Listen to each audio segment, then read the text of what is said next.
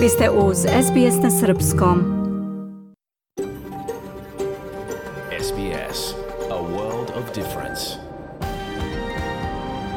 You're with SBS Serbian on mobile, online and on radio. Vi ste uz SBS na Srpskom, na mobilnom, na internetu i na radiju. SBS odaje priznanje tradicionalnim vlasnicima zemlje sa koje danas emitujemo program na srpskom. Ovim izražavamo poštovanje prema narodu Vurenđer i Vojvurung, pripadnicima nacije Kulin i njihovim prošlim i sadašnjim starešinama. Također odajemo priznanje tradicionalnim vlasnicima zemlje i za svih aboriđinskih naroda i naroda sa ostrava iz Toresovog Moreuza, na čijoj zemlji slušate program. Dobar dan, danas je ponedeljak 23. oktobar, 296. dan 2023. Do kraja godine ima 69 dana. Ja sam Biljana Ristić. U današnjem programu, posle pregleda vesti i opširnog sportskog izveštaja, donosimo prve reakcije aktivista kampanje DA tokom referenduma koji su izneli u otvorenom pismu Australijancima koji su glasali sa ne svoje utiske. Branislav Nikolić reći će više o otvaranju železničke stanice Beograd centar u Prokopu posle više decenija gradnje. Mija Nikolić donosi detalje sa popisa stanovništva koji se odnose na unutrašnje migracije. 29. oktobra u prostorijama multikulturalne muzičke organizacije Bojte u Melbourneu održava se zajednički koncert muzičkog sastava East West koji predvodi Goran Gajić i ženskog dela ansabla Saraj Iluminado okupljenih oko Nele Trivković. Nataša Kampmark razgovarala je sa Goranom Gajićem o tom koncertu. Ostanite sa nama do 16 časova. Sledi pregled vesti.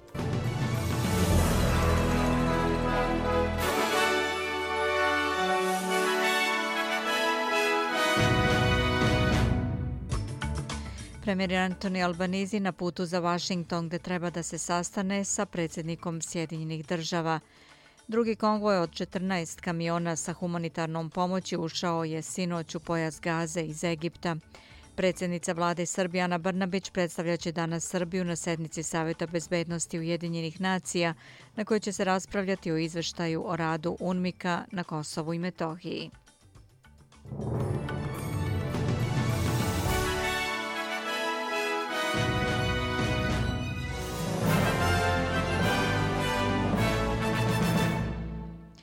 Premijer Antoni Albanizi na putu je za Washington gde treba da se sastane sa predsjednikom Sjedinjenih država nakon što je najavio posetu Pekingu i Šangaju u novembru ove godine. To bi bila prva poseta jednog australijskog premijera Kini u posljednjih sedam godina. Albanizi želi da podstakne Bajdena da ostane u na Indo-Pacifički region dok se rat između Izraela i Hamasa zaoštrava.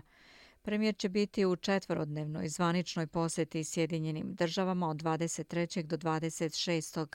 i to će biti deveti sastanak dva lidera od pobjede gospodina Albanizija na izborima 2022.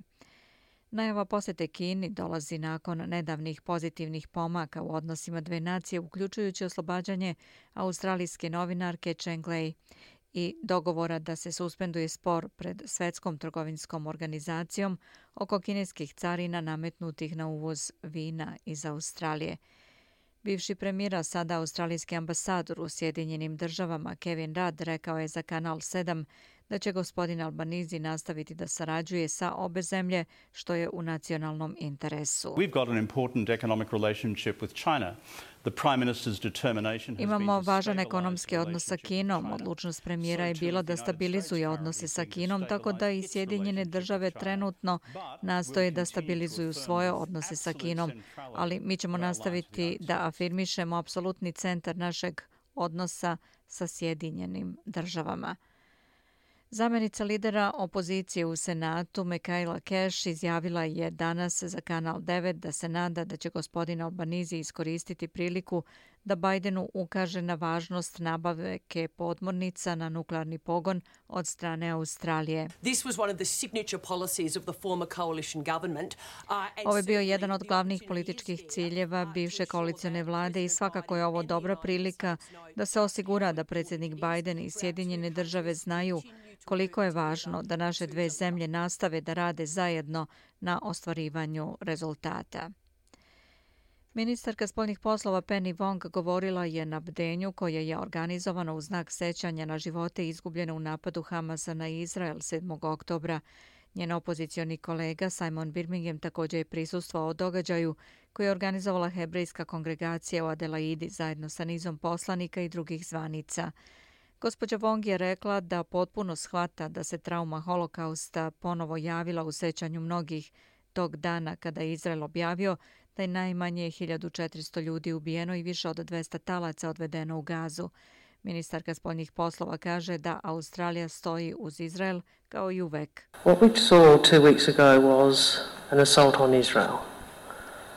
Ono što smo videli pred dve nedelje bio je napad na Izrael i jevrijski narod. To je također bio napad na naše kolektivno čovečanstvo. To je bio čin zla koji je izvršila teroristička grupa, grupa mržnje sklona uništavanju države Izrael i iskorenjivanju jevreja. I zato se to mora osuditi, rekla je Wong.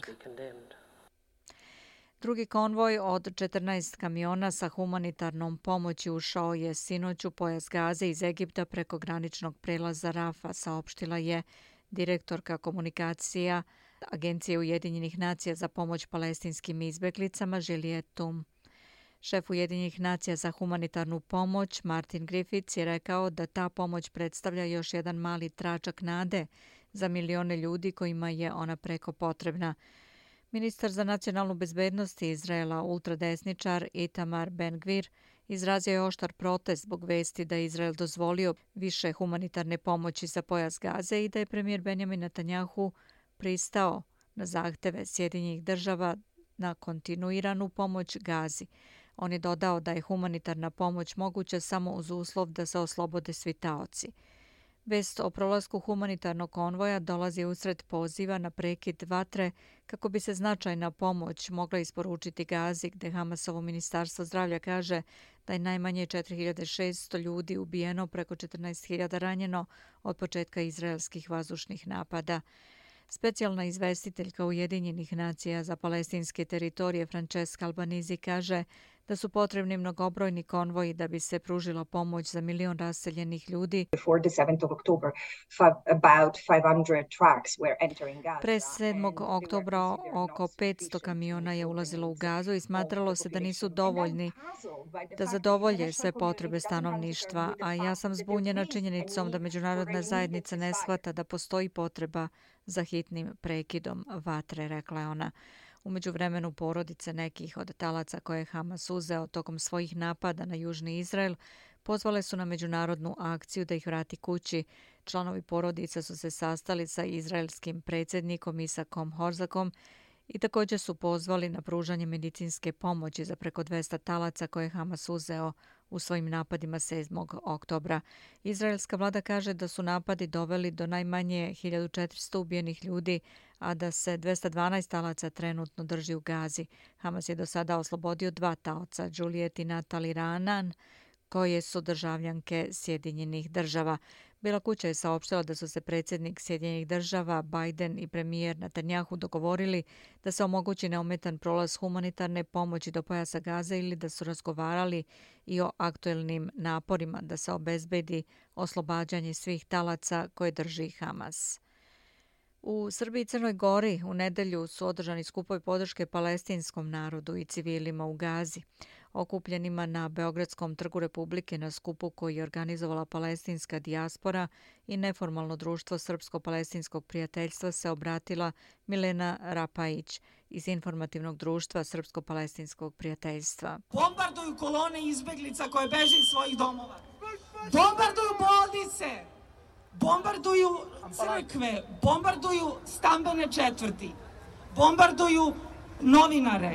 Mi smo ovde došli da pokažemo da stojimo uz Palestinu, da stojimo uz palestinski narod. Na skupu su, pored državljana Palestine koji studiraju i rade u Beogradu, bili građani sa poreklom iz drugih zemalja Bliskog istoka, kao i građani Beograda. Njima se palestinski ambasador u Srbiji, Muhammed Al-Namur, zahvalio. Mi vama zahvalimo zbog vaša podršca. To je mnogo znači za naš palestinski narod koji pati već 75 godini. U Podgorici je organizaciji studenta i mladih iz Crnogorsko-palestinskog društva održan skup podrške palestinskom narodu Crna Gora za Palestinu, sa kojeg su apelovali na vladu Crne Gore da bojkotuje Izrael. Skup je održan ispred sedišta Kancelarije Ujedinjenih nacija u Podgorici, a završen protestnom šetnjom do centra grada. Posle posete Međunarodne petorke Prištini i Beogradu u subotu diplomate Evropske unije poručuju da Brisel očekuje primjenu Ohridskog sporazuma iz februara. Od toga kažu zavisi evropska budućnost obe strane. Događaj u Banjskoj, pored brojnih pitanja, vratili su u fokus ono možda najvažnije da dijalogom Beograd i Priština dođu do kompromisnog rešenja. Predsjednik Srbije kaže da je razgovor bio težak, ali da veruje da će se naći neki izlaz iako za Srbiju nema lakih stvari. Ne zaboravite, njihov jedini cilj je na kraju krajeva da mi priznamo nezavisno Kosovo. Tako da, da li bi bio razlog Banjska ili bi bio razlog neki drugi, može nešto u tom, kao što rekao, taktičkom smislu da promeni, ali suštinski ta politika odnosa prema Srbiji u kojoj Priština uvek ima prednost jer 22 od 27 zemalja Evropske unije najmoćnije zemlje su priznale nezavisnost Kosova i Sjedinjene američke države pogotovo, onda vam je jasno kako stvari stoje. Predstavnici Srpske liste ne očekuju da se na terenu promene stvari, a od Miroslava Lajčaka i predstavnika zemalja Kvinte očekuju da razumeju izbjegavanje primjene prethodno postignutih dogovora, a upravo u tome vide i glavni razlog za eskalaciju situacije, kaže za Radio Televiziju Srbije podpredsjednik Srpske liste Dalibor Jeftić. Quinta i, i, i a, predstavnici, a, predstavnik a, Evropske unije u dijalogu gospodin Lajčak a, trebaju konačno da stvore mehanizme koji će omogućiti da dođe do uspostavljena zajednice srpskih opština. Lično sam ja sa svojim kolegama čuo i od gospodina Lajčaka i od gospodina Eskobara početkom ove godine da će zajednica srpskih opština biti formirana. Zajednica srpskih opština kao preduslov rešavanja drugih pitanja i nekih mnogih dogovora, ali zajednica srpskih opština koje, e, kao nešto što je za nas ne političko pitanje, nego pitanje opstanka i pitanje života. Diplomata Zoran Milivojević rekao je da oni to od juče stavljaju u kontekst primene Ohridskog sporazuma, a Ohridski sporazum znači da dve strane tretiraju odvojeno i da svaka svoj napredak prema pristupanju Evropskoj uniji meri onime što čini.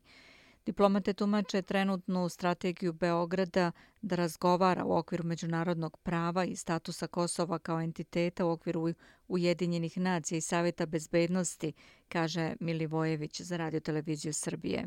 To je jedini okvir u kojem je moguće da se traži političko rešenje na bazi kompromisa. Sve drugo, sve drugo je problem i ne garantuje ni uspeh pregovora, ali ne garantuje ni normalizaciju. Borelj i Lajčak danas podnose izveštaj ministrima o razgovorima u Beogradu i Prištini tokom vikenda. Odnosi Beograda i Prištine bit će jedna od tema samita šefova država i vlada Evropske unije u četvrtak i petak u Briselu, rekao je predsjednik Vučić za Radio Televiziju Srbije. Za nas tu nema lakih stvari, ali se nadam da ćemo uspeti da i verujem, ako to mogu da kažem i da umirim ljude, da ćemo uspeti da pronađemo neki izlaz. Osim u Briselu, Kosovo i Metohija bit će tema u Njujorku na sednici Saveta bezbednosti. Danas će tamo Srbiju predstavljati predsjednica vlade. Slušate SBS na srpskom pregled vesti 15 časova 14 minuta je. Federalni blagajnik Jim Chalmers pridružio se nekadašnjem blagajniku Wayne Svonu tokom ceremonije u znak sećanja na Bila Haydna kultnog laborističkog političara koji je umro u subotu uveče.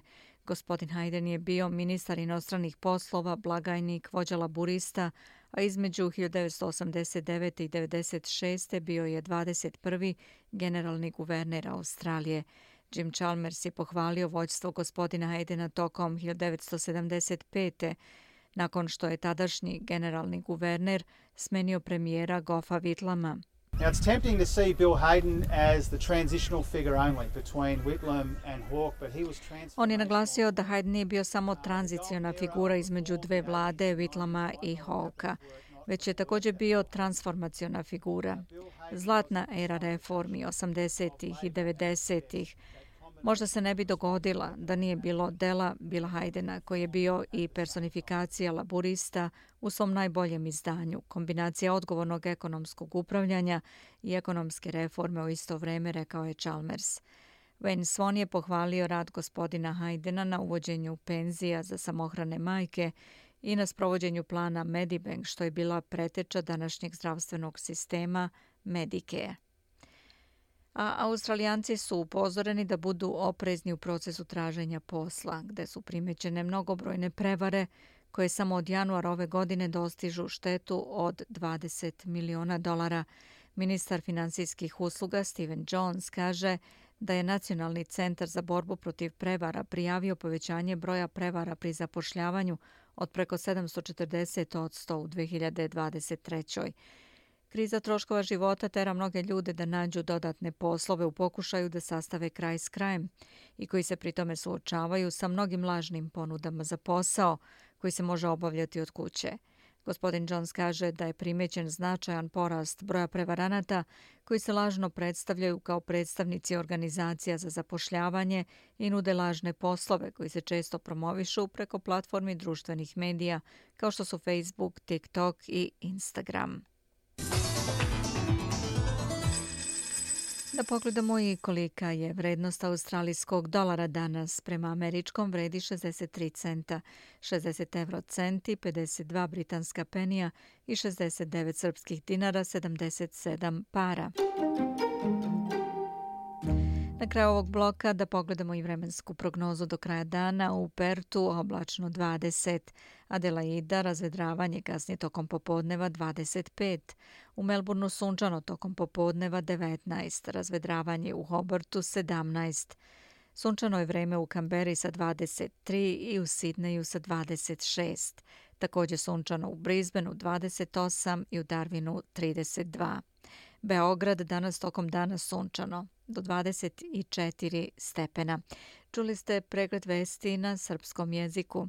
Za sve najnovije posjetite sbs.com.au kosacrta news.